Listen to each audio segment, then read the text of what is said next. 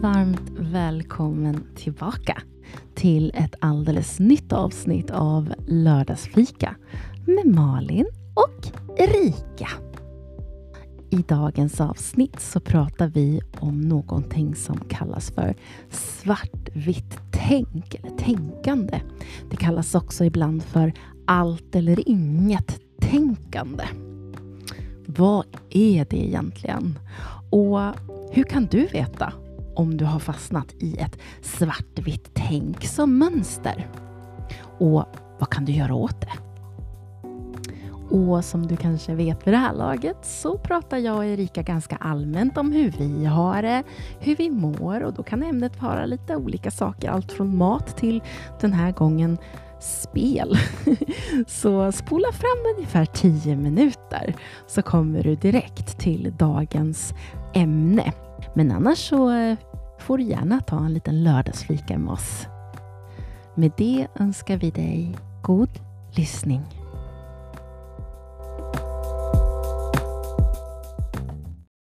Varmt välkomna till ett alldeles nytt avsnitt av Lördagsfika med Malin och Erika! Hallå! Hallå! Vi är tillbaka. är tillbaka, oh my god.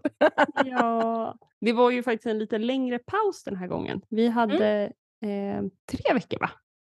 Livet händer ju, eller hur? Ja, exakt. Så därför är det extra kul när vi kan liksom få ihop det och när vi kan spela in. Och det är så himla roligt också att spela in lördagsfika. Ni, ni som lyssnar, ni verkligen älskar lördagsfika. Så himla härligt. Det gör ju vi som spelar in det här också, måste jag säga. Ja, jag skriver under på den. Ja, men gud vad fint att... Jag säger, säger du. Hur har du det Malin? var min fråga. Och jag hörde att du hade samma fråga tillbaka. Ja, ehm, hur har jag det? Så. Det snöade i Mm. förrgår här och jag fick typ en chock. Mm. Så då slängde jag upp adventsljusstaken. Hata inte mig nu. Akut julkänsla. Ja, ja, jag kände så här, inte alla, men en eh, slängde jag faktiskt upp. och så den är här i vardagsrummet och igår så satt jag här och spelade, det var ju fredag igår. Mm. Och eh, jag hade satt på mitt favoritspel, oh my god, jag håller på- på just nu att spela Baldur's Gate och det är det bästa spelet jag spelat typ. Oj, vad härligt. Baldur's Gate är topp två, det är alltså plats nummer två av alla spel jag spelat.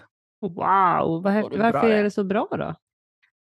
Alltså, åh gud. Eh, För det första så är det så här mycket roleplay, alltså det är ju Mm. väl, ett väldigt mycket så här roleplay, eh, spel som gör att det är jättemycket dialog.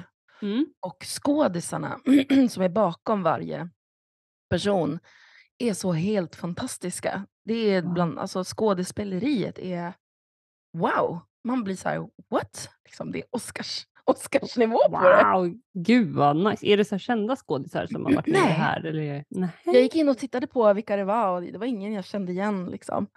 Men gud vad de spelar. Nej, så det är väl det jag älskar mest tror jag. Det är så att det känns som att man är i, med i en jättehäftig film som ehm, där det finns kärlek, det finns spänning, det Mm. finns eh, drama, det finns problem, det är twists and turns. Och, och liksom, är det är så himla häftigt. Jag sitter verkligen med en öppen mun när jag spelar. Okej, jag låter som att det här är något jag behöver kolla upp mer. Jag Ah. och Robin brukar ju samspela väldigt mycket. A.k.a. jag tittar på och han spelar. Ehm, det kanske ska vara vår nästa spel, för vi har haft lite speltorka. Jag hetsar ju Hogwarts Legacy just nu eh, och njuter till fullo. Gillar du Ehm, det? Jag tycker att det är, alltså jag är ju lite Harry Potter-nörd. Mm, jag med. Ehm, men det här utspelar sig ju på en helt annan tid och jag, när jag köpte det så är det så här, jag brukar oftast inte fastna för spel som är så här långa.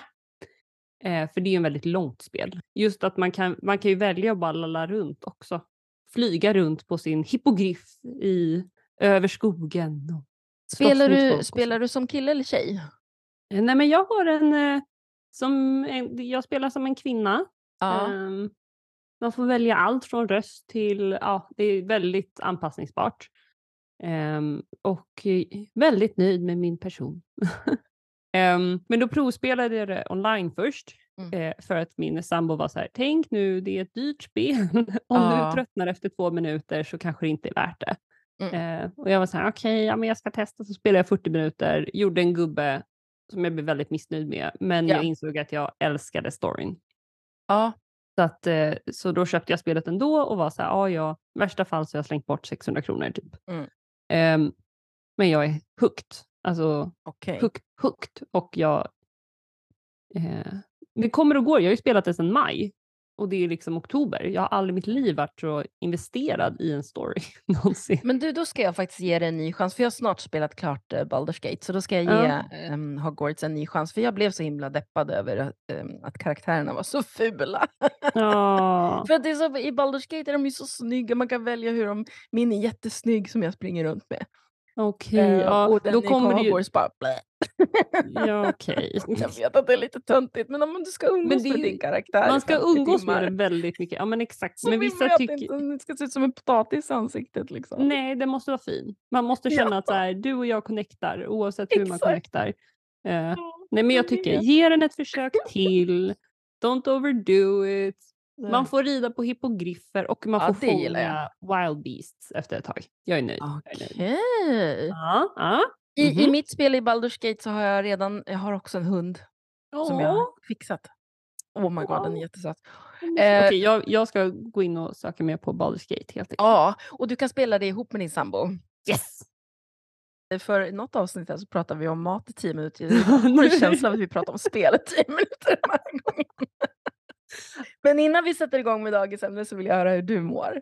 Ja. Hur har du haft det sen sist? För vi pratade ju väldigt mycket om din stress förra gången ju. Så Exakt. ge oss en liksom, liten upp, uppdatering. Ja, det ska jag göra. Jag måste verkligen bara börja med att säga att jag var väldigt tacksam över det där avsnittet som vi gjorde. För att det blev ju verkligen en liten... ehm, ett litet utlopp på något Mm. sätt. Eh, så jag vet att så här, efter vi hade pratat klart och de här dagarna precis efteråt när jag också hade landat i att så här, okej, jag vill inte fortsätta som jag gör just nu.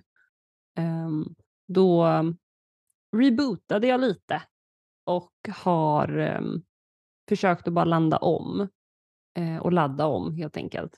Eh, jag har fortfarande inte fått mitt besked om eh, resultaten ännu.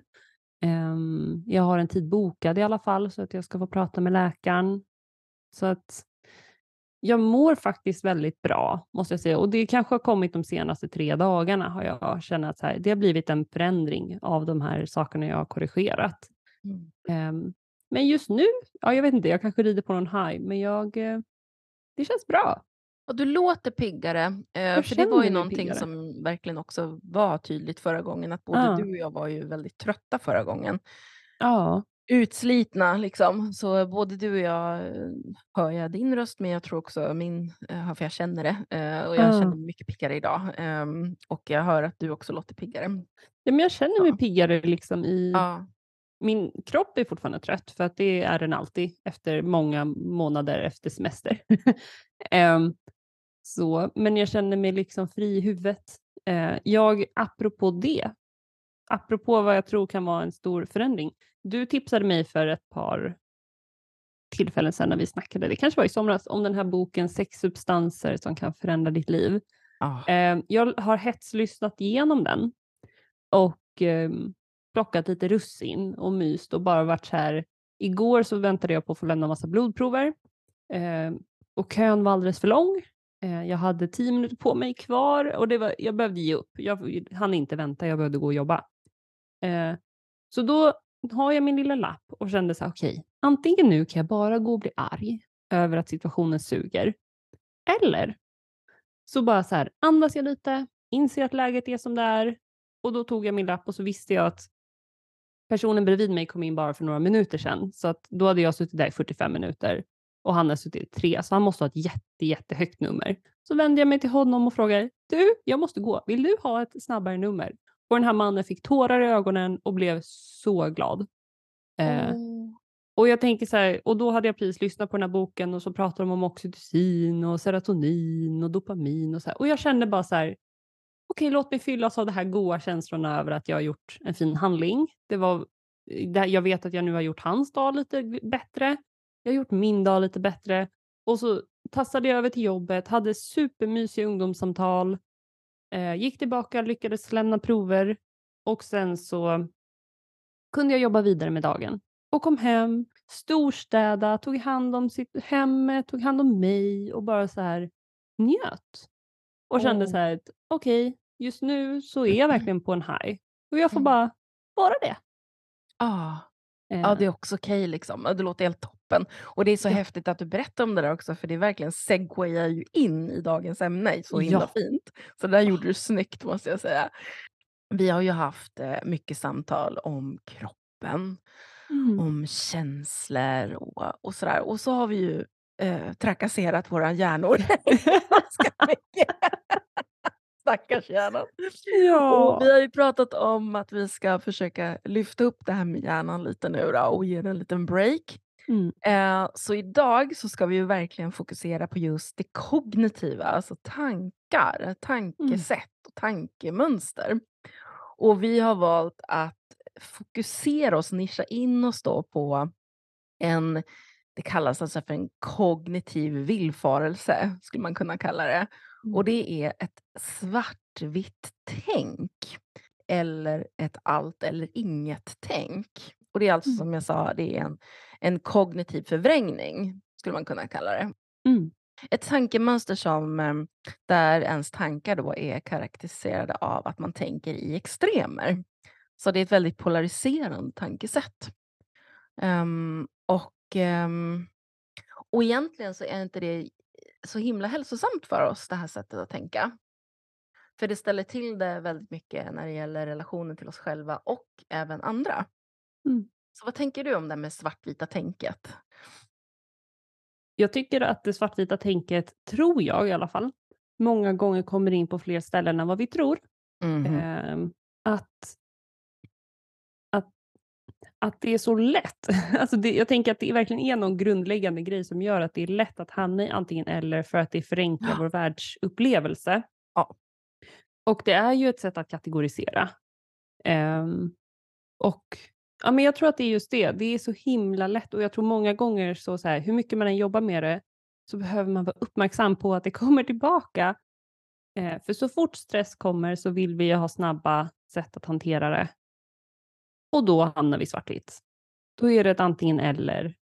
Eh, och jag tänker det är ju det som driver på vår oro och ångest och det är det som driver på vår liksom hur vi hanterar andra människor, hur vi möter oss själva. Så att, jättestort arbetsområde upplever jag. Det är ju det. Och det, är- Mm. det är precis som att vi, vi hellre då tänker i binärer snarare än i eh, spektrum. Mm, Det blir ju verkligen det där liksom allt eller inget. Och några ord som du ska hålla utkik efter om du tror att du kan ha hamnat i svartvitt tänkande. Det är ju just det här aldrig eller förstört eller ofta eller ehm, alltid. Alltså till exempel så här. Låt säga att du har haft en jättedålig dag. Och det har du kanske verkligen haft. Men du uttrycker det som att det har verkligen varit den sämsta dagen någonsin i hela mitt liv och alla är dumma. Mm. Liksom. det, då, då har du hamnat på en så här svartvitt eh, fält. Japp. Det har det verkligen varit den sämsta dagen i ditt liv. Liksom. Och det går ju att dra ner till vilken nivå som helst. Också så här, gud jag är ju alltid den som diskar. Exakt. Du gör ju aldrig det där. Och det, för att det väcker ju saker i en. Ja, precis. Precis. Mm. Ibland så, så önskar man ju att det... Alltså jag tänker många gånger så är ju hjärnan så här att för att jag är frustrerad, om jag tar disken, för att Mm. jag är frustrerad över att jag upplever att jag har tagit den mer de senaste dagarna eller veckorna, eh, så kan jag liksom inte se att du också har gjort det, för det förmildrar liksom situationen. Mm. Så reaktionen är att jag är frustrerad och jag behöver få vara frustrerad för att jag är frustrerad på den här situationen. Ja. Vilket gör att hjärnan stänger av de här motargumenten mot att det inte bara är jag som gör det. Mm. Eh, och där behöver du diskutera och kommunicera för att få veta att nej men okej, min partner har visst gjort det, jag har bara inte sett det. Mm. Exempelvis. Ja. Det är lätt att hamna i svartvitt, svartvitt tänk, men Mm. Men eh, vi vill ändå verkligen bara lyfta upp det i dagens avsnitt för att det är också väldigt starkt ihopkopplat till till exempel depression. Japp. För att depression handlar ju väldigt mycket om din världsbild och det du ser. Ehm, och svartvitt tänk är ju verkligen det. Det är just det här med att du, du har en, en världsbild som faktiskt inte, den kanske hjälper dig kortsiktigt och den lindrar din oro just nu. Men du förvränger, det var därför jag sa i början att det är kognitiv förvrängning, du förvränger världsbilden Mm. så att den till slut, du, inte, du kommer till slut inte känna igen den och andra kommer inte känna igen det du beskriver. Som till exempel du sa nu, du gör aldrig disken eller jag gör alltid disken. Mm. Är det verkligen sant? Liksom. Eller till exempel om du har bråkat med, med barnen på morgnarna eller en morgon för att ni ska åka iväg till skolan och du och barnet har verkligen haft en konflikt över Mm. någonting. Och då sitter du verkligen med din inre dialog och kanske också säger till folk att jag är verkligen världens sämsta mamma eller Mm. världens sämsta pappa eller världens sämsta förälder. Och det, det, det är faktiskt det vi vill lyfta upp här i det här avsnittet. För att eh, word matters, alltså att dina ord som du väljer, de, de har faktiskt en, en betydelse. För om det är det du matar dig med så är det också det tankesättet och den världsbilden som du till slut kommer få. Att Ja. är du verkligen världens sämsta mamma? Liksom? Och jag tror det är också viktigt att vara medveten, för många jag träffar som har jobbat mycket med sig själva Mm. kanske har jobbat på just språket, för jag tänker det är en sån Mm. viktig del. Hur uttrycker jag mig utåt? Men jag tror också att det är viktigt att vara medveten om hur fortsätter jag uttrycka mig inåt? Mm. För ibland kan det vara så att det kan vara lättare att innan jag förmedlar ut någonting så har jag tänkt igenom det och jag har omformulerat det. Ja. För att jag vet att jag inte får uttrycka mig så om mig själv, för jag vet att det inte är hjälpsamt. Men man fortsätter klanka på sig själv inåt och man Mm. fortsätter ställa svartvitt. Precis. så det är också bra viktigt att veta att det, det pågår ju både utanför dig och inuti dig. Liksom. Ja, bra att du sa det, för det är precis det som händer. Alltså, Mm. om det som pågår, din inre dialog, hur du tänker, hur du ser på världen, hur du ser på dig själv, det skapar känslor. Mm. Och de här känslorna, de, de kan inte sortera i det här. Så att, så att eh, den, det är därför det blir som en trappa här. Att du börjar tänka de här sakerna och sen hänger känslorna med. Och sen helt Mm. plötsligt så sitter du med en känsla av värdelöshet. Ja. Och den föder ju sig själv och fortsätter ju liksom spirala Ja. Precis. Ehm, och jag tänker det är ju det som är sammankopplingen många gånger till, tänker jag, både ångest, till depressioner, Mm. nedstämdhet, allting. Ja, precis. precis. Och många gånger är det ju samma verktyg som vi använder för att göra en neråtspiral kan vi ju faktiskt vända även om vi behöver göra det aktivt. Mm. Så att vi faktiskt kan få en uppåtspiral. Precis. Eh, Mm. För att när du, när du sitter i den här situationen, när du är, du har verkligen fastnat i svartvita tänket, både om dig själv och om andra, ehm, då bjuder du ju verkligen in någon, en slags hjälplöshet. Ja.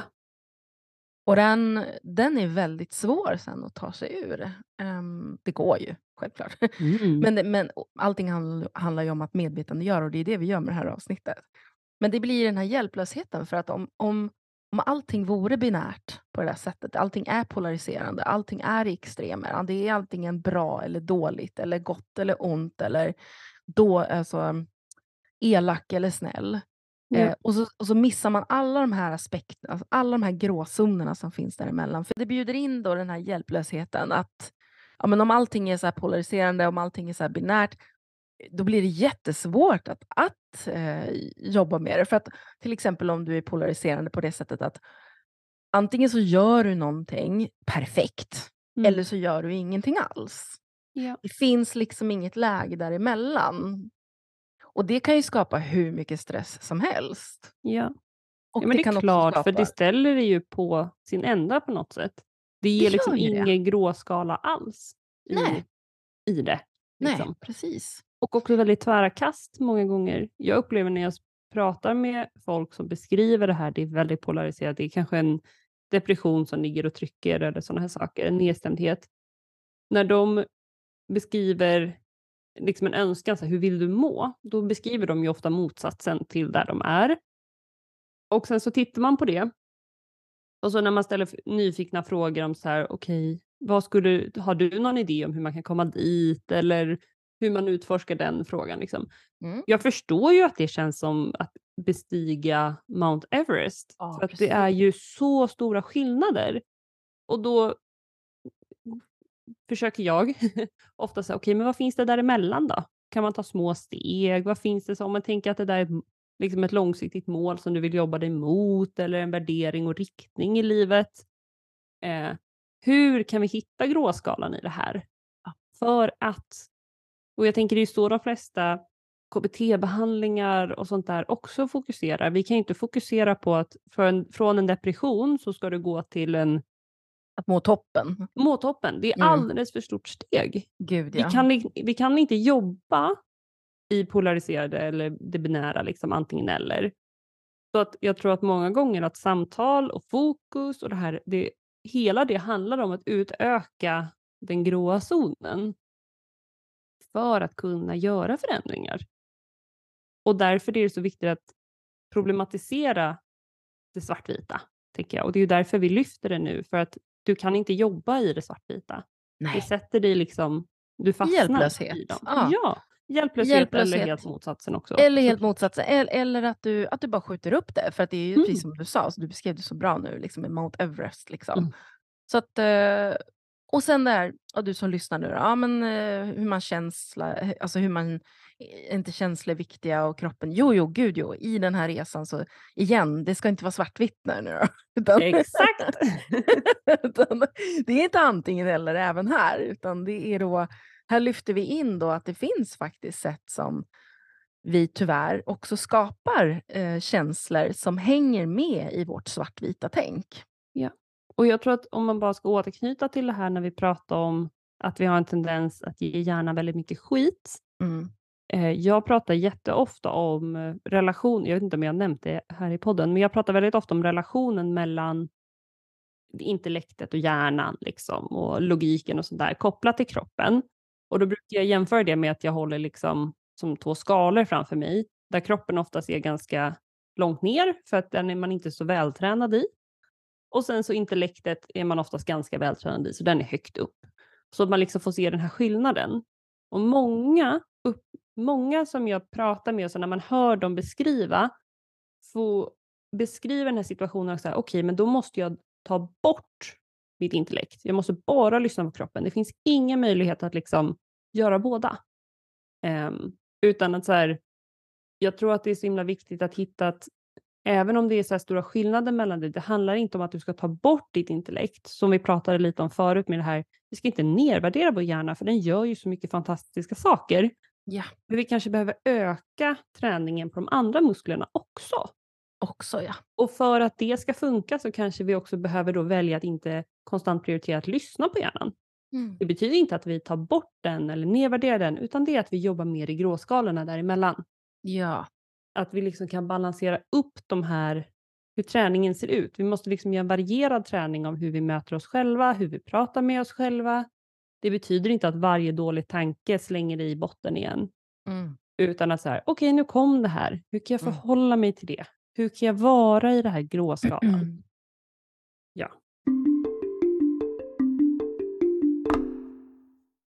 Ja men faktiskt. Och det är jättebra att du kom in på det där med hur vi kan jobba med det här, för det kan vi ju såklart.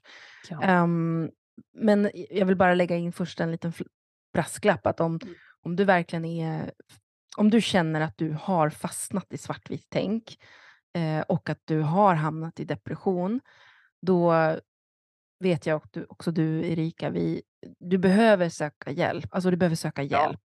Ehm, det, här, det här avsnittet är, är som vanligt mera generellt och vi Mm. pratar mer om diagnoser och hur man kan tänka och sådär. Och det är ett smörgåsbord. Så känn, känn nu inte att om, om vi inte kan hjälpa dig liksom med ditt svartvita tänk så vet att det finns ju personer som är väldigt som jobbar med det här. Alltså, som du kan söka dig till på det sättet att du kan ringa till Minds eller du kan söka din vårdcentral eller ja, sådär. Vi bara Ja, lägger in den lilla braskisen. Verkligen. Och jag tänker att det är jätte, jätteviktigt för när vi sitter här så kan vi ju bara prata om koncepten kring det. Ehm, men och också att, att det är också bra att veta att, det här, att utöka din gråa zon är inte lätt för vår hjärna är inställd på att hjälpa oss Mm. genom att kategorisera. Ant, Mm. alltid inget liksom. Mm. Eh, så jag vill också verkligen bara understryka att ja, ta hjälp. För det finns både forskningsbaserade, alltså evidensbaserade metoder för att hjälpa dig att bryta det här Mm. och skapa en större liksom, space i dig Mm. att kunna jobba. Så Ja. att, ja, och för att kunna göra det, det går inte att använda bara tankens kraft eller kroppens kraft för att hamna där. Du behöver en annan motspelare många gånger för att liksom Mm. följa upp och stödja och tipsa och hjälpa. Ja, men exakt. Mm. Så hur vet du att du kanske har hamnat i ett svartvitt tänk? Jo, men då var det lite grann utifrån det som vi sa i början, att håll, håll utkik efter vissa ord. Mm. Eh, till exempel dålig, eh, alltid, aldrig, eh, krossat till exempel. Ja, du har krossat mina gränser. Mm. Finns det något annat sätt att formulera det på? Eh, jag känner att mina gränser har blivit överträdda Mm. Och det är inte okej. Ja. Och det kanske ni nu som lyssnar tycker, ja men det var väl ungefär samma. Men det, det är inte det. För att, att du har krossat mina gränser. Då igen så har du försatt dig själv i det här hjälplösa stadiet. Mm. Att om någon annan har kommit in och krossat dina, dina gränser, alltså du, du försätter dig själv i, och kroppen blir så här, åh gud, är jag krossad? Blir kroppen då. Och så börjar du känna det. Och det är väl okej om du tänker så någon gång, eller du tänker så, igen, vi ska inte svartvita det heller, utan nu pratar vi om ett mönster. Yes. Och det är jätteviktigt att understryka också. Är det här ett mönster som du använder dig av? Ja, men nu har hon krossat mina gränser. Nu är jag en dålig mamma. Nu är han, eh, han tar aldrig disken. Liksom. Det här var den sämsta dagen ever. Så att ett tips är att hålla utkik efter de här sakerna och ersätta det med jag känner att. Mm. Eh, Så att så fort det kommer in någon sån här, jag är en dålig mamma. Ersätt det med, jag känner mig otillräcklig just nu. Mm. Lägg också gärna till just nu. Ja. Och du, du sa någonting jätte, jättebra där. Du bytte jag är en dålig mamma till jag känner mig otillräcklig. Mm. Det är mycket mer definierad Ja. Eh, beskrivning istället för att lägga en värdering på vad är en bra och en dålig mamma, vilket vi verkligen har tendenser att göra mycket. Vi beskriver att här, jag är värdelös student eller jag är en värdelös mamma, jag är en värdelös pappa.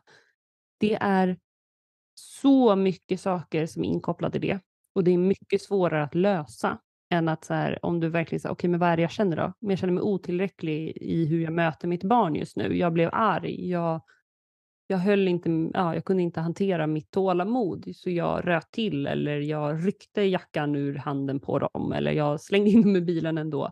Vad Ja. man nu, hur man nu gör, definiera vad är det då jag känner, inte jag är en dålig mamma, utan jag känner mig otillräcklig. Kanske för att. Ja, men Eh, precis. Men ju mer du definierar, ju mer kan du också titta på det och säga okej. Och just nu. Okej, det Och betyder just inte nu. att jag kommer vara en dålig mamma sen. Det betyder att Mm. jag kanske förhoppningsvis inte kommer känna mig otillräcklig för nästa gång kan jag möta det. Eller en annan Precis. gång kan jag möta det. Och det är okej att jag tappade temperamentet den här gången. Ja.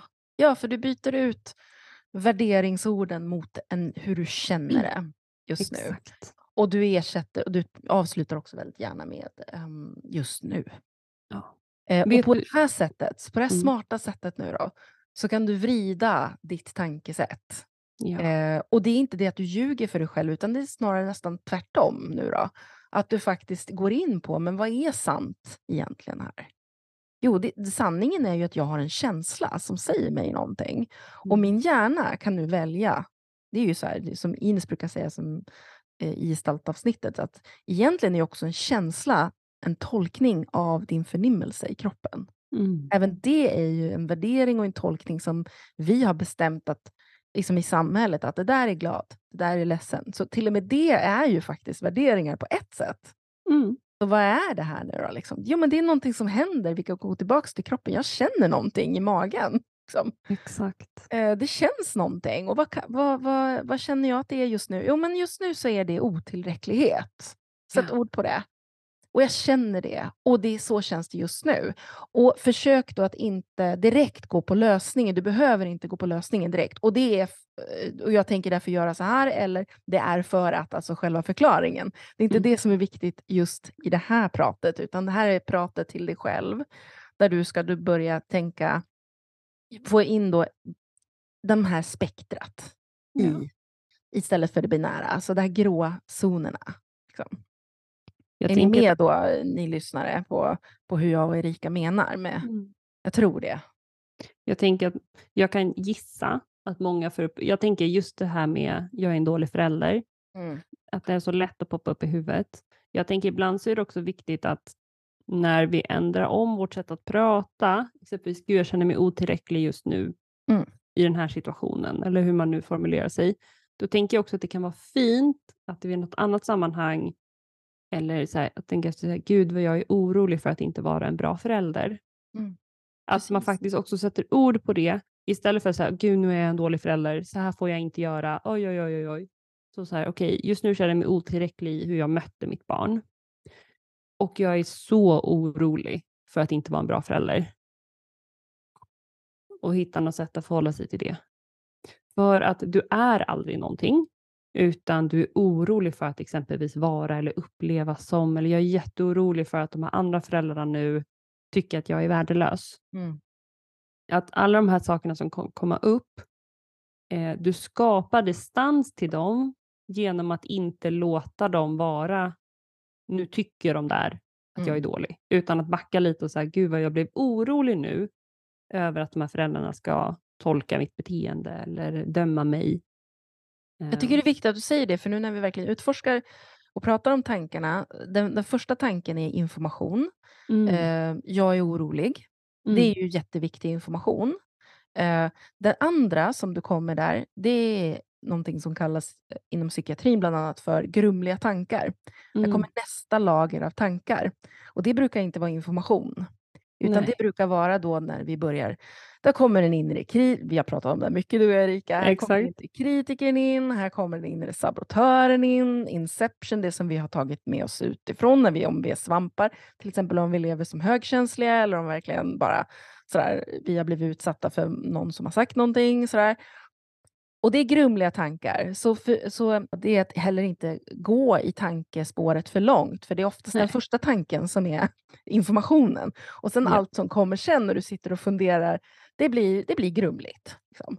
Så Och gå du- verkligen på det enkla. Enk, vad säger man? Är det Murphys lag? När, nej, det är när allt går fel. Alltså, någon annan.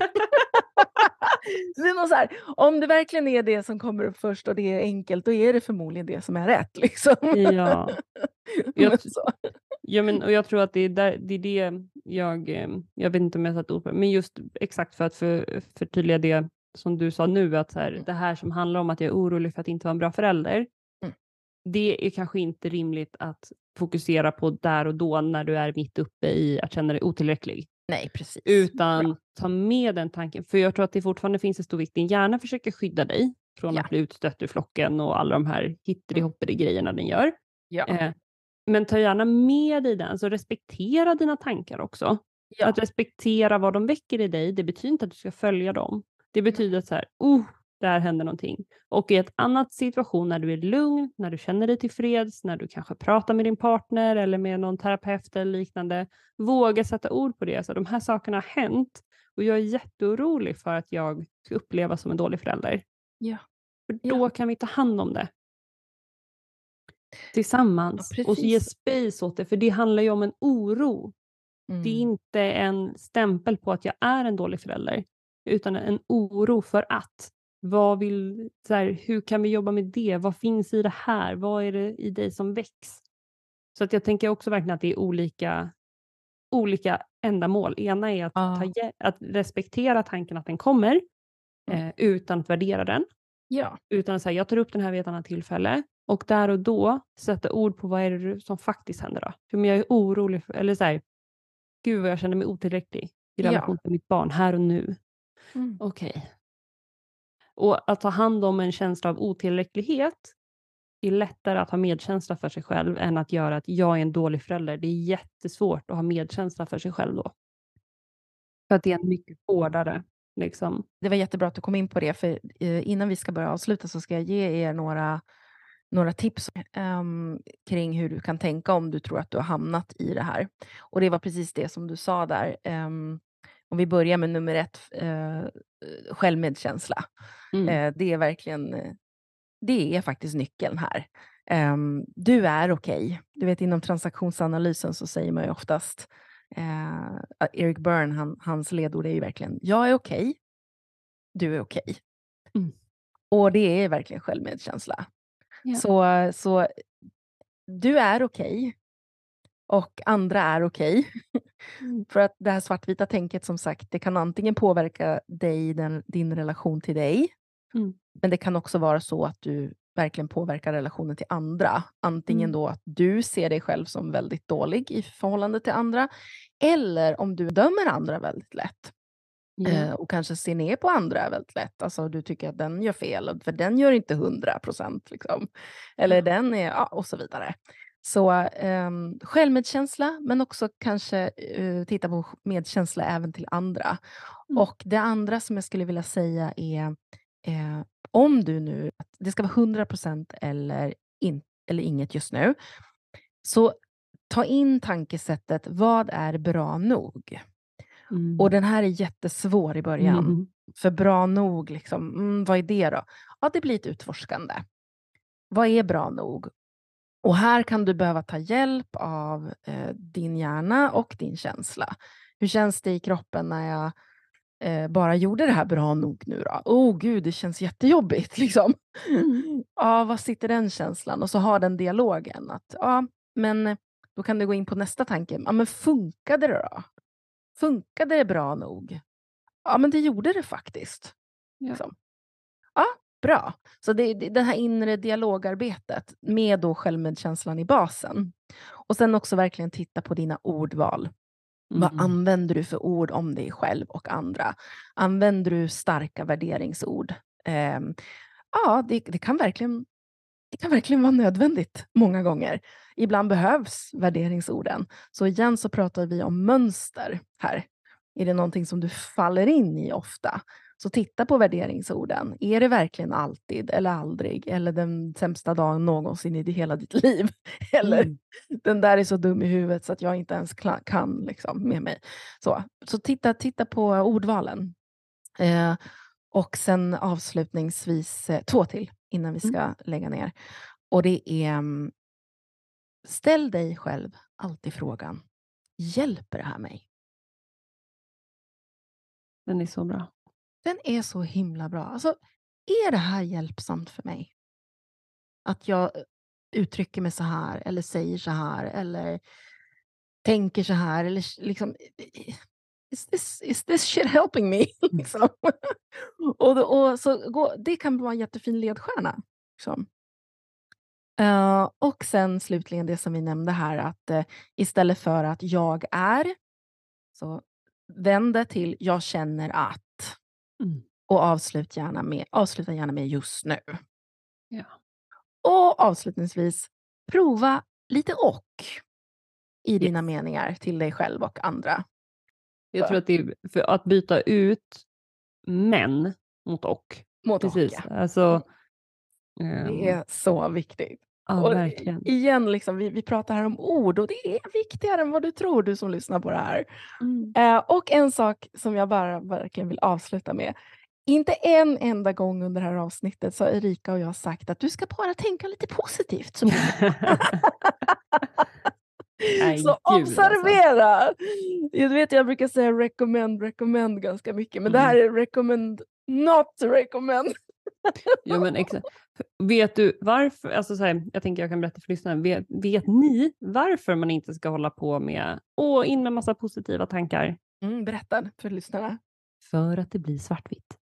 För att positiva tankar har motsatsen negativa tankar. Eftersom vi inte kan styra våra tankar, alltså tankar kommer, eh, så om vi då går in i så här, okej okay, nu ska jag bara tänka positivt, jag får inte tänka negativt, jag ska bara tänka positivt, positivt, positivt. då kommer din hjärna vara så här, what the heck? Och sen yep. kommer det komma negativa tankar, vilket du kommer yep. värdera som nu misslyckades jag. Ah. Jag är dålig på att tänka positivt. Ah.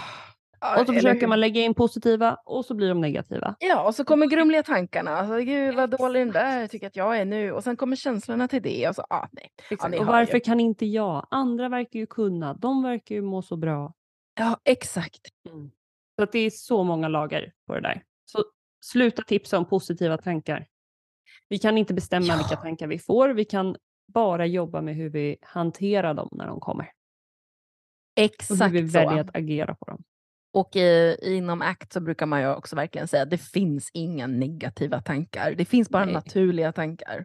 Ja, det är ändå också väldigt smart. Sluta värdera tankarna som positiva ja. eller negativa. Ja. Det är tankar. Det är ord det är tankar. som har formulerats i ditt huvud som väcker olika saker i dig. Mm. Men du har kontrollen. Alltså du har, du har styrkan, precis som en författare skriver en bok. Mm. Så har du precis, även om du inte själv kanske tycker att du har författarkunskaper eller skrivandets gåva. Du, gör, du skriver din bok varje dag. Och du väljer ord och det är du som kan välja dem. Det betyder mm. inte att vissa ord är dåliga eller bättre, igen svartvit och så här. Det betyder bara att du kan testa att ersätta ord som du faktiskt, som faktiskt inte hjälper dig. Igen. Mm. Hjälper det dig att du nu sitter här och är en dålig mamma? Hjälper det här dig? Nej. Med stor sannolikhet gör det inte det. Så nu har vi pratat om svartvita tankar, så uh, utmana dig själv nu. Gärna lite utanför uh, liksom din comfort zone då. För det kommer kännas lite ovant i magen. Mm. Uh, när du börjar utmana de här sakerna och börjar titta i lite mera spektrum. Yes. Eh, för att det sätter dig i agensstolen på ett helt annat sätt. Som sagt, det kan också vara lite skönt att vara hjälplös ibland. Eh, då slipper du ta eget ansvar och det är faktiskt ganska skönt också ibland. Mm. Eh, så, och ibland behövs det. Men som sagt, vi har pratat om mönster här. Vi har pratat om mönster. Ja. Så, så nu ska vi avsluta dagens lördagsfika om svartvit tänk och jag tycker vi har verkligen kört igenom det här mega, mega snabbt. Men om ni vill veta mer om det här så kommer jag länka till några Youtube-filmer som ni kan se eh, om ni vill. Det finns, de är på engelska i och för sig, men jag tror att ja, ni kan titta på dem om ni vill. Ja. Har du någon Youtube-film om svartvit tänk, Erika? Nej, det har jag Nej. inte. Men då får du, då får du fixa en. ja, det var två år sedan jag spelade in någonting. Jag vet okay. inte vad jag gör längre. okay. Ni är väldigt välkomna att gå in och titta om ni hittar något om svartvitt. Om ni Men, Nej, jag tror inte att jag har en video specificerat om det. Nej. Eh, men jag har absolut om hur du kan prata med dig själv på ett snällt sätt och hur du kan jobba ja. för att visa medkänsla för dig själv. Hur du kan eh, jobba på att lära älska dig själv. Och det tänker jag kan vara relevant mm. i den här situationen. Det tycker jag verkligen. Okej, men då länkar vi till den helt enkelt. Ja. Bra. Tack för idag Erika. Superduper som vanligt. Ja, ta hand om dig Malin. Så ses vi. Ha hej. det så gött. Hej hej!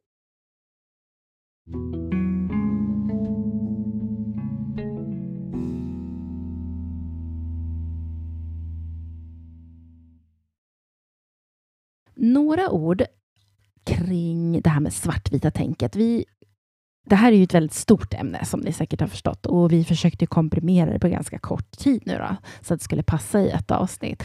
Men en sak som vi touchade lite, men som vi definitivt skulle kunna understryka, det är ju anledningen till svartvitt tänkande. För vi vet ju vid det här laget att ingenting uppkommer ju ur ett vakuum. Så vad är det egentligen som gör att vi hamnar i svartvitt tänkande?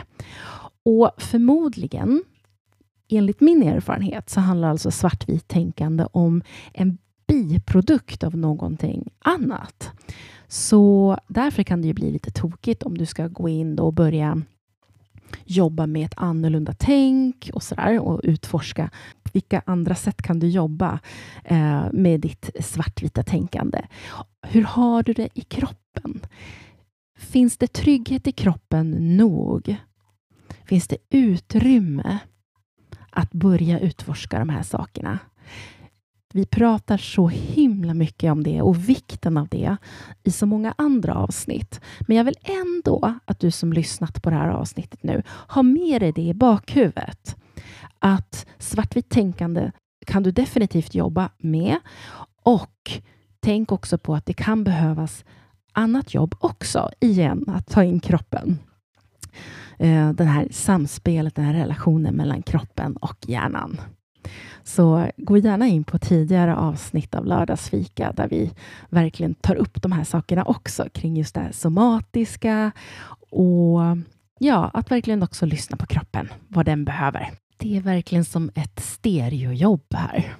För just det här tankesättet, att visa självmedkänsla och hur man pratar till sig själv kan ju också bidra till att öka tryggheten i kroppen. Så ja, varför inte jobba på båda ställen samtidigt?